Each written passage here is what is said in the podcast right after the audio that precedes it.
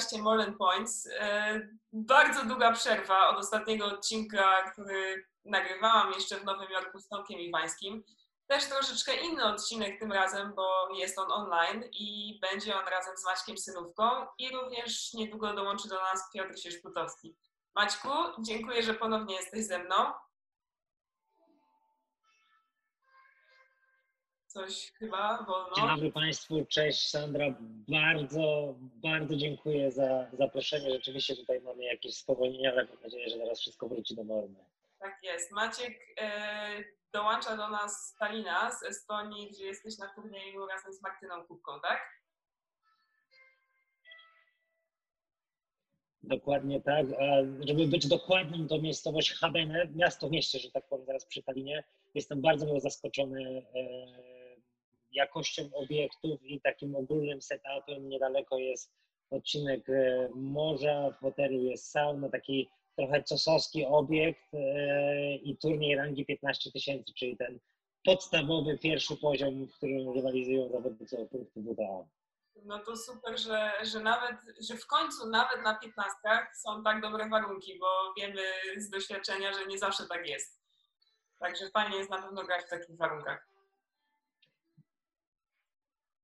Te, te turnieje na, na najniższym poziomie rzeczywiście jest różnorodny poziom, nie tylko sportowy, ale też organizacyjny. Dokładnie. E, Maciek i Piotrek jak do nas dołączy, powiemy mu szybko o czym rozmawiamy. Chciałabym porozmawiać tak naprawdę dzisiaj o, o tym roku, tym tak niespodziewanym e, roku dla nas wszystkich e, w marcu, gdzie cały świat tenisowy już wtedy zamarł po odwołaniu turnieju w Indian Wells. E, to było takie pierwsze domino, które potem wywołało lawinę odwołań po prostu wszystkiego. E, no i chyba pierwszy raz, znaczy nie chyba, na pewno, ale pierwszy raz tenisowe organizacje się spotkały z taką sytuacją. Jak według Ciebie poradził sobie ITF? E, w moim odczuciu jest bardzo duża różnica w tym, co się działo na poziomie WTA a co się działo na poziomie ITF. No, wprawdzie teraz pod koniec roku kilka turniejów zostało odmrożonych, natomiast e, no nie jest to wystarczająca struktura i wystarczająca ilość turniejów, która mogłaby zaspokoić no ponad 800-900 zawodniczek chcących brać udział w rywalizacji turniejowej. W konsekwencji mamy mało turniejów, w konsekwencji katy się zwiększyły i w konsekwencji jest bardzo ciężko się dostać do znaczących turniejów i grać o większe punkty. No właśnie i jak to u Was z Twoimi zawodniczkami, jak to wpłynęło tak naprawdę na, na Wasze planowanie i na Wasze trenowanie? W międzyczasie wpuszczę Piotrka do, e, do spotkania. No Sandro, brutalnie mówiąc, e, tak, aby osiągnąć poziom sportowy, to może się przywitamy. Cześć Piotr. Cześć Piotr. Norka, problemy techniczne. Nie ma problemu. My już z Maćkiem rozmawiamy o tym, jak, jak ITF sobie radzi z tym wszystkim, co się stało w tym roku, czyli z odwoływaniem turniejów i, i tak naprawdę, no, jak, co robią dobrze, co robią źle. Okej. Okay. To, to, wracając, wracając do mojej wcześniejszej wypowiedzi. E, obrazowo mówiąc, aby osiągnąć poziom 500 e, WTA, musisz mieć e, w chwili obecnej około 70 punktów. Mm, na poziomie 15 tysięczników za wygranie turnieju zdobywasz 10 punktów, za zdobycie finału 6 punktów, za półfinał 4, niżej ćwierćfinał 2 punkty, czyli e, w najlepszym przypadku, grając w siedmiu turniejach, które wygrywasz, osiągasz poziom 500. Poziom, który pozwala ci grać w 25 tysięcznikach, czyli poziom wyżej. W chwili obecnej Martyna od czerwca w sumie dostała się do sześciu turniejów dostała się, już nie mówiąc o tym, żeby jeszcze grać, wygrywać i tak dalej, z czego ponad połowę cztery turnieje grała od eliminacji. Czyli ta ścieżka teraz niesamowicie się wydłużyła. Już nie mówiąc o tym, że poziom 500 to też nie jest poziom, który mm, no jakościowo cokolwiek ci daje, no bo to tak naprawdę wiecie to najlepiej, czy jesteś poziom 400, czy 600, czy 800, tam nie ma zbyt dużych różnic. Prawdziwy ten wyczynowy tenis zaczyna się od poziomu 250 i dla takiej zawodniczki typu Martyna Kubka, która dopiero zaczyna swoją ścieżkę i zdobywa pierwsze punkty WTA, ścieżka do osiągnięcia 250 naprawdę niesamowicie się wydłużyła. Powiedziałbym z dwóch, trzech lat w chwili obecnej na, na pięć lat. Co, czy, czy tak naprawdę jest coś do zrobienia? No bo wiadomo, to nie jest e, zbyt pozytywna wiadomość na pewno dla zawodniczki i na pewno jest tego też świadoma, że ta, ta droga się wydłuża. E, jak sobie z tym radzisz jako trener? Czy ja jako trener e, przyjąłem postawę chyba tą, którą wszyscy bardzo dobrze znamy, że koncentrujesz się na rzeczach, na które masz wpływ. Czyli jeżeli wiesz o tym, że jest mała szansa, żeby dostać się do turnieju na przykład w Tunezji, no to po prostu skupiasz się, żeby zrobić wszystko, co możesz zrobić, łącznie z tym, żeby kupić, nie wiem, droższe bilety, być w kwarantannie, cokolwiek organizacyjnie jest od ciebie wymagane, aby dać sobie chociażby tę jedną szansę rywalizacji. I, i taka, taka od początku była, było nasze nastawienie. E, natomiast co do samych zawodników jest też ten drugi aspekt, że zawodnicy, którzy są młodsi, no muszą też spędzać odpowiedni czas na treningu, aby się rozwijać. Tak? Oczywiście mecze są szalenie ważne, ale też jest normalny rozwój, który wynika z poziomu treningowego, z przepracowanych godzin. No i to jest też ten drugi aspekt, na którym bardzo mocno się koncentrujemy. Mamy więcej tego czasu treningowego, w związku z tym e, staramy się go wykorzystać jak najlepiej. Super, czyli no, bardzo moim zdaniem też dobre podejście. E, Piotrek, przejdźmy do Ciebie. Jak Twoim zdaniem WTA sobie poradziło w tym roku e, no, z tym całym bałaganem organizacyjnym, który wiadomo, że się wydarzył przez całą pandemię? Z mojej perspektywy i moje prywatne odczucie jest takie, że zrobili to powiedzmy na najniższym możliwym poziomie, jakie to było, jak, jak można było to zrobić. Natomiast umówmy się szczerze, no jednak coś się udało zorganizować. Nie możemy w żaden sposób tego porównać do turniejów ATP. Byłby to pewnego rodzaju absurd i, i, i, są przypadki, o których wiemy, typu na przykład turniej w Kolonii, że, że mógł się odbyć turniej kobiecy, natomiast gdzieś ktoś nie odpisał na maila, więc, więc jest, to, jest to dosyć ciekawe zjawisko.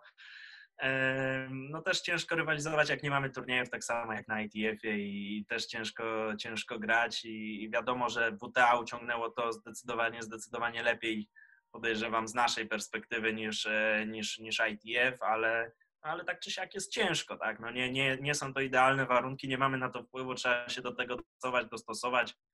E, wydaje mi się, że jakby już same, same turnieje, które się odbyły, były zorganizowane na najwyższym poziomie. Natomiast ile ich się odbyło, no do tego można mieć wiele zastrzeżeń.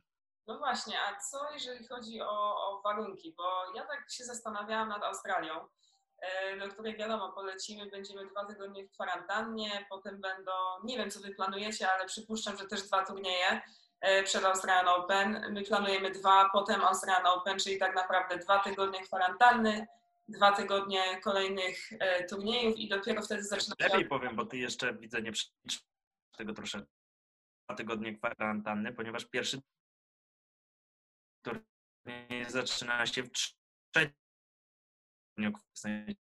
trzecim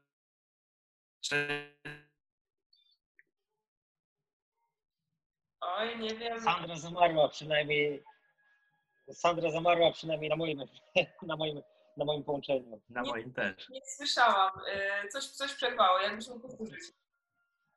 E, tak naprawdę odkąd my musimy być do 14 grudnia w Australii, tak, zgodnie z tymi przepisami, a pierwszy turniej jest 4 stycznia, więc de facto to są trzy tygodnie od przylotu, nie?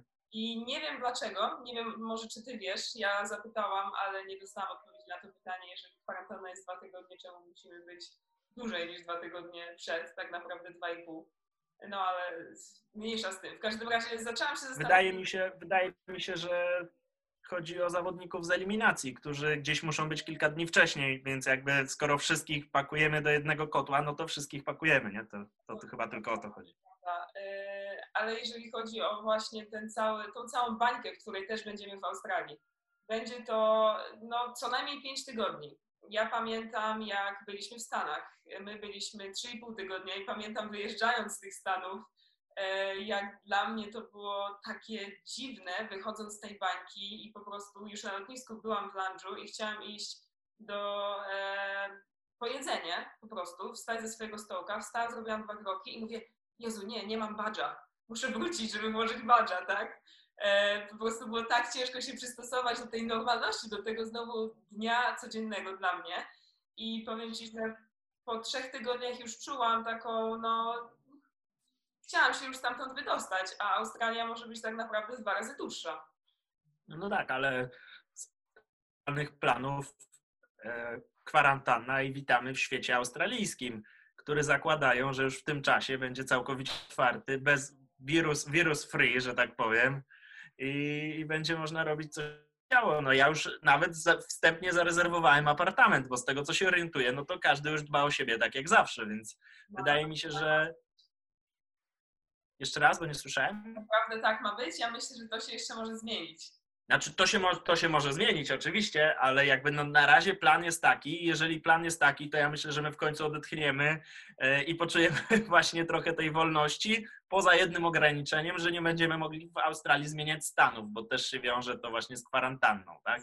Natomiast no to jeżeli będę mógł wyjść na ulicę e, na spacer i pójść do restauracji normalnie, no to wiadomo, że to jest dla nas żadna bańka i to jest, to jest po prostu fajna podróż, nie? Tak, dokładnie. A co myślisz, że WTA może zrobić lepiej w przyszłym roku w stosunku do tego? To, co myślę, na pewno można stworzyć więcej szans, czyli jak to nawet e, WTA określa, więcej miejsc pracy dla zawodników. Uważam, że w tym roku tych miejsc pracy było zdecydowanie za mało.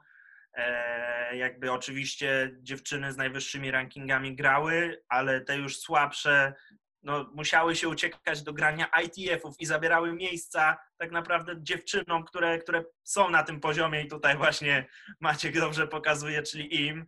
Eee, I jakby to jest, to jest nie do końca w porządku, uważam. I, I to się powinno zmienić. Powinno się w tym roku pojawić dużo, dużo więcej turniejów. Ja ogólnie uważam, że tur WTA powinien być powiększony o 50% przynajmniej, żeby, żeby tak naprawdę to było bardzo stabilne, fajne środowisko do rozwoju, e, bo patrząc tutaj na, na ATP, e, no jest to bardzo dobry przykład, który jest bardzo blisko. Jeżeli facet ma do wyboru trzy turnieje w danym tygodniu i wie, że nawet jak mu nie pójdzie, w następnym jedzie na następny i może sobie wybierać poziom, e, gdzie, jak i, i co chce grać, no to to jest zupełnie co innego niż kobieta, która jedzie na turniej i myśli, kurczę, mam jedną, jedyną szansę, bo za tydzień już tej szansy nie ma, następna jest za dwa tygodnie, a to znowu jest ważny turniej, więc znowu będę musiała się super przygotować.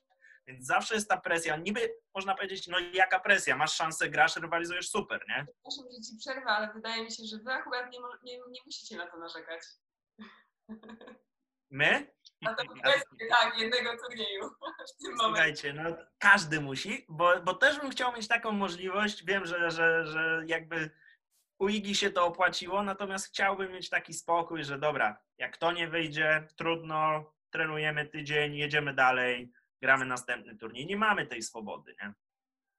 Właśnie tutaj chyba Piotr mm, powiedział coś, co jest szalenie ważne i czego chyba przeciętny kibic nie do końca może wychwycić, że jest bardzo duża różnica organizacyjna, jeżeli chodzi o ATP, czyli, czyli rywalizację mężczyzn i bardzo duża różnica E, w organizacji turniejów kobiet. I rzeczywiście, o ile mężczyźni mieli już teraz, ale wcześniej też, bo to dotyczyło też sytuacji przed COVID-em, e, mężczyźni, y, obydwa tury miały swój główny tur, gdzie były turnieje dwa czy trzy w każdym tygodniu, pomijając tygodnie z wielkim szlemem, to męski tur ma bardzo mocno rozwinięte turnieju ITF Challenger, tak? czyli te powiedzmy u facetów to jest tam chyba od 40 tysięcy euro w górę, u kobiet tych turniejów jest bardzo małe. W związku z tym tak naprawdę mężczyźni, ci, którzy są w rankingu pomiędzy e, setnym a trzysetnym miejscem, co tydzień, tak jak Piotr powiedział, mogą sobie wybierać i rywalizować w pełnym turze, można powiedzieć, czysto challengerowym. Tak? Często się mówi, że u mężczyzn jest zawodnik typowo challengerowy, tak? który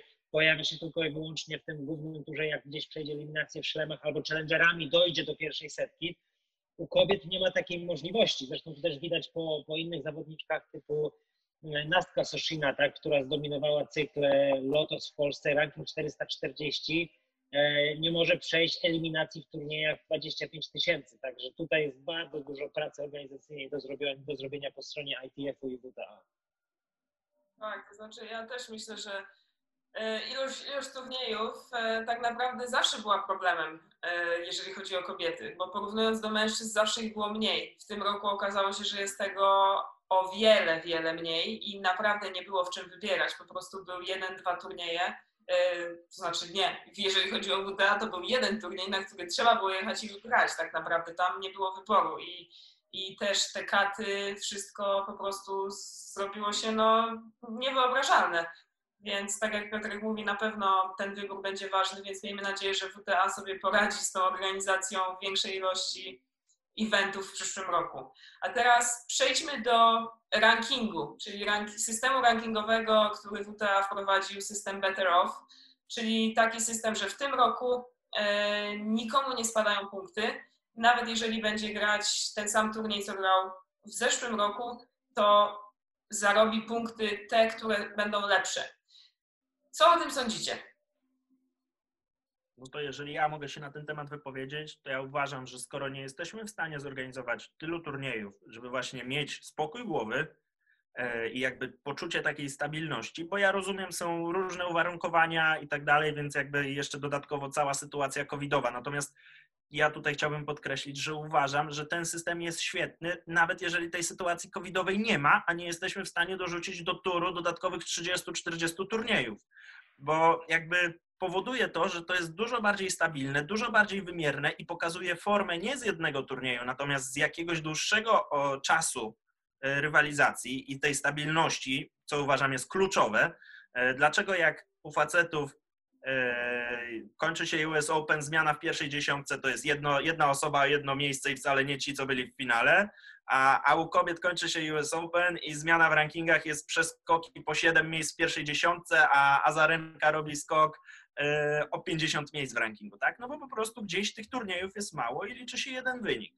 E, natomiast myślę, że właśnie ten system jest naprawdę fajny i można by się było nad nim mocno zastanowić, czy nie robić by tego w przyszłości, nawet w normalnym turze, skoro nie jesteśmy w stanie wrzucić tak dużej ilości turniejów, to może zastanówmy się, niech punkty liczą się półtorej roku, tak? I właśnie wybierajmy z tego, które zagraliśmy lepiej. Jest to oczywiście jakiś tam mój autorski pomysł, sobie tak wymyśliłem to, natomiast jest to pewnego rodzaju rozwiązanie, nad którym można się też zastanowić w przyszłości, żeby sprawić, żeby ten tenis był bardziej widowiskowy, był fajniejszy, no bo de facto, jeżeli ten sport jest, im bardziej jest stabilny, i są małe jakieś pojedyncze zmiany, to to powoduje, że to jest bardziej widowiskowe, bo jak cały czas jesteśmy czymś zaskakiwani, to stwierdzamy, kurczę, tego nie ma co oglądać, to jest bez sensu, bo, bo, bo no nie, ma, nie ma kogoś, kto utrzymuje równy poziom, tak?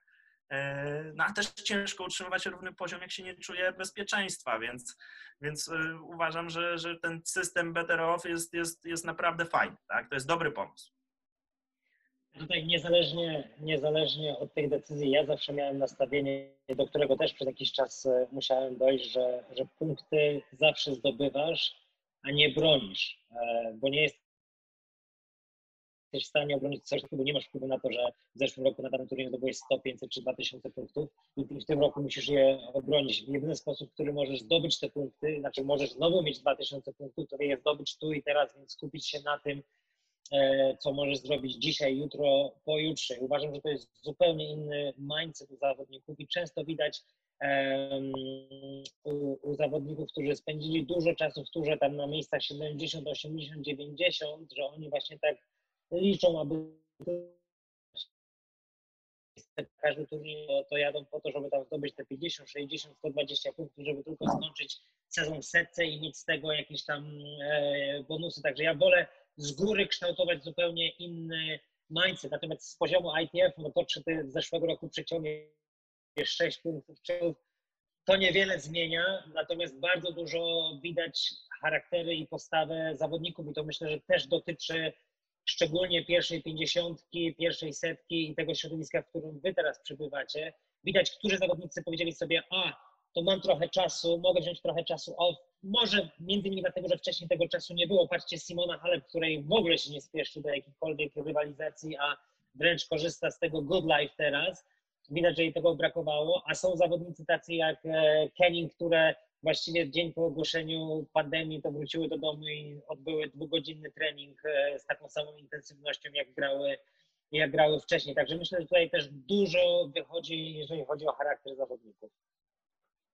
Tak, zgadzam się tak naprawdę z, z, z, Wami i z Tobą Maciek i z Piotrkiem, bo to są dwa różne punkty, ale obydwa są dobre. Mi się też wydaje, że jeżeli by był ten ranking utrzymywany, tak jak Piotrek mówisz, półtora roczny czy nawet dłuższy, to wydaje mi się, że też przebicie się byłoby ogromnie trudne i te przebicie do, do setki, czy pięćdziesiątki, czy wyżej, ono musiałoby być robione naprawdę dużymi wynikami, takimi jak właśnie finał Wielkiego Szlema, czy, czy wygranie, bo inaczej e, takie wyniki jak czwarta runda, ćwierćfinał, to mogłyby się okazać, że to jest za mało.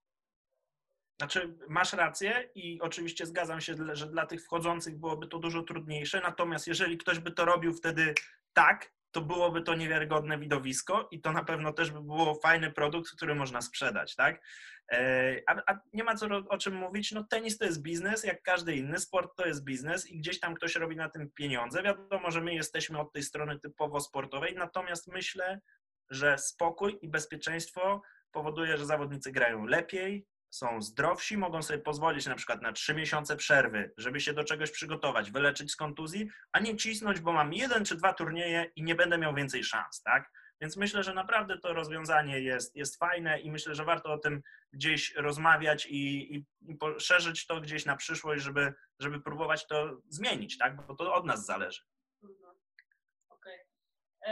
I ostatnie pytanie mam dla Was. Jak w tej ciągle niepewnej sytuacji widzicie przyszły rok? Czy Wasze planowanie jest takie same, jakie było zawsze, e, gdy mieliśmy normalne lata, czy to wygląda troszeczkę inaczej?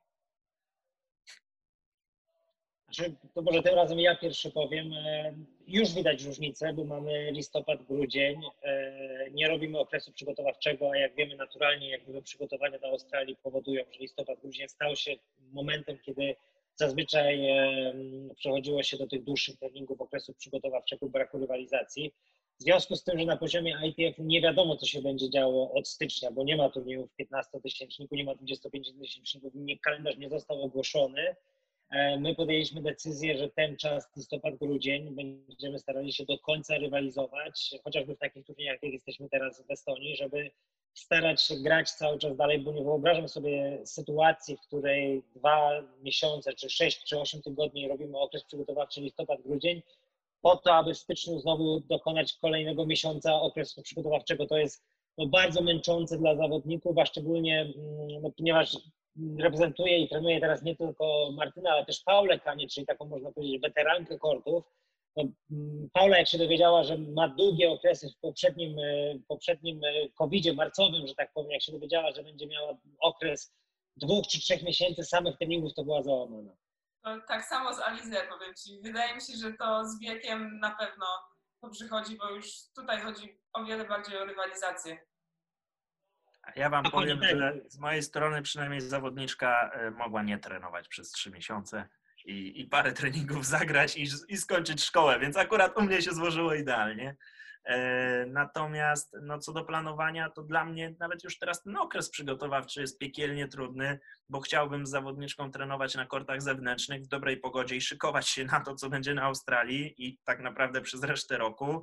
A, a jestem u nas w kraju, nie mogę narzekać, bo jesteśmy w świetnym miejscu. Akurat w tym tygodniu e, trenujemy w, miejscu blisko Trójmiasta gdzie, gdzie trenuje jedna z lepiej zapowiadających się dziewczyn w Polsce, 14-latka i, i super miejsce, super ludzie i bardzo fajnie nam się trenuje. Natomiast no, umówmy się szczerze, yy, no nie są to idealne warunki do przygotowań i, i my musimy się do tego dopasować, nie mamy na to wpływu, trenujemy tutaj, Gdzieś będziemy szukać tego wyjazdu do Dubaju przed, przed, przed samą Australią, bo też stamtąd mają być yy, dozwolone loty, jakby, więc, więc jest to dobra, dobra destynacja.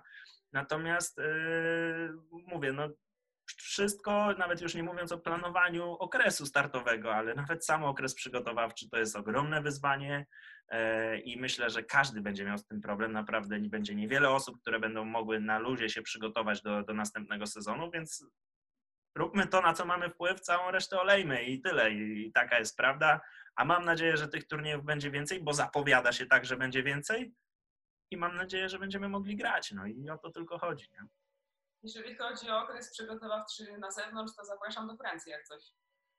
No tak, no ale to też jest wyzwanie dla nas, tak? Żeby, żeby się dostać i w razie czego szybko wrócić i, i bez kombinacji i tak dalej, bez, bez jakiegoś stresu, nie? Teraz nic nie wiadomo. E, dziękuję Wam bardzo za dzisiaj. Maciek, powodzenia w Estonii i dalej e, w listopadzie, grudniu na świętach. Y, Piotrek, my widzimy się już tak naprawdę niedługo, także do następnego razu, do usłyszenia. Dzięki bardzo. Cześć, dzięki. Powodzenia, dobrych decyzji życzę. Pozdrawiam, cześć.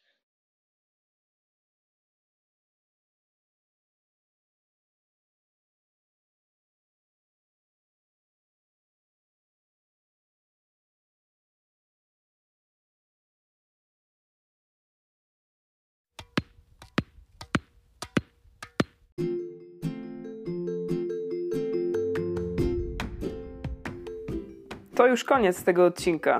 Jeżeli uważasz, że ten podcast jest wartościowy, podziel się nim proszę ze znajomymi, aby jak najwięcej osób mogło z niego wynieść coś dla siebie. Zachęcam Cię również do subskrybowania tego podcastu oraz odwiedzenia moich profili na YouTubie, Instagramie i Facebooku, co pozwoli Ci być na bieżąco z kolejnymi odcinkami. Dziękuję za słuchanie i do usłyszenia.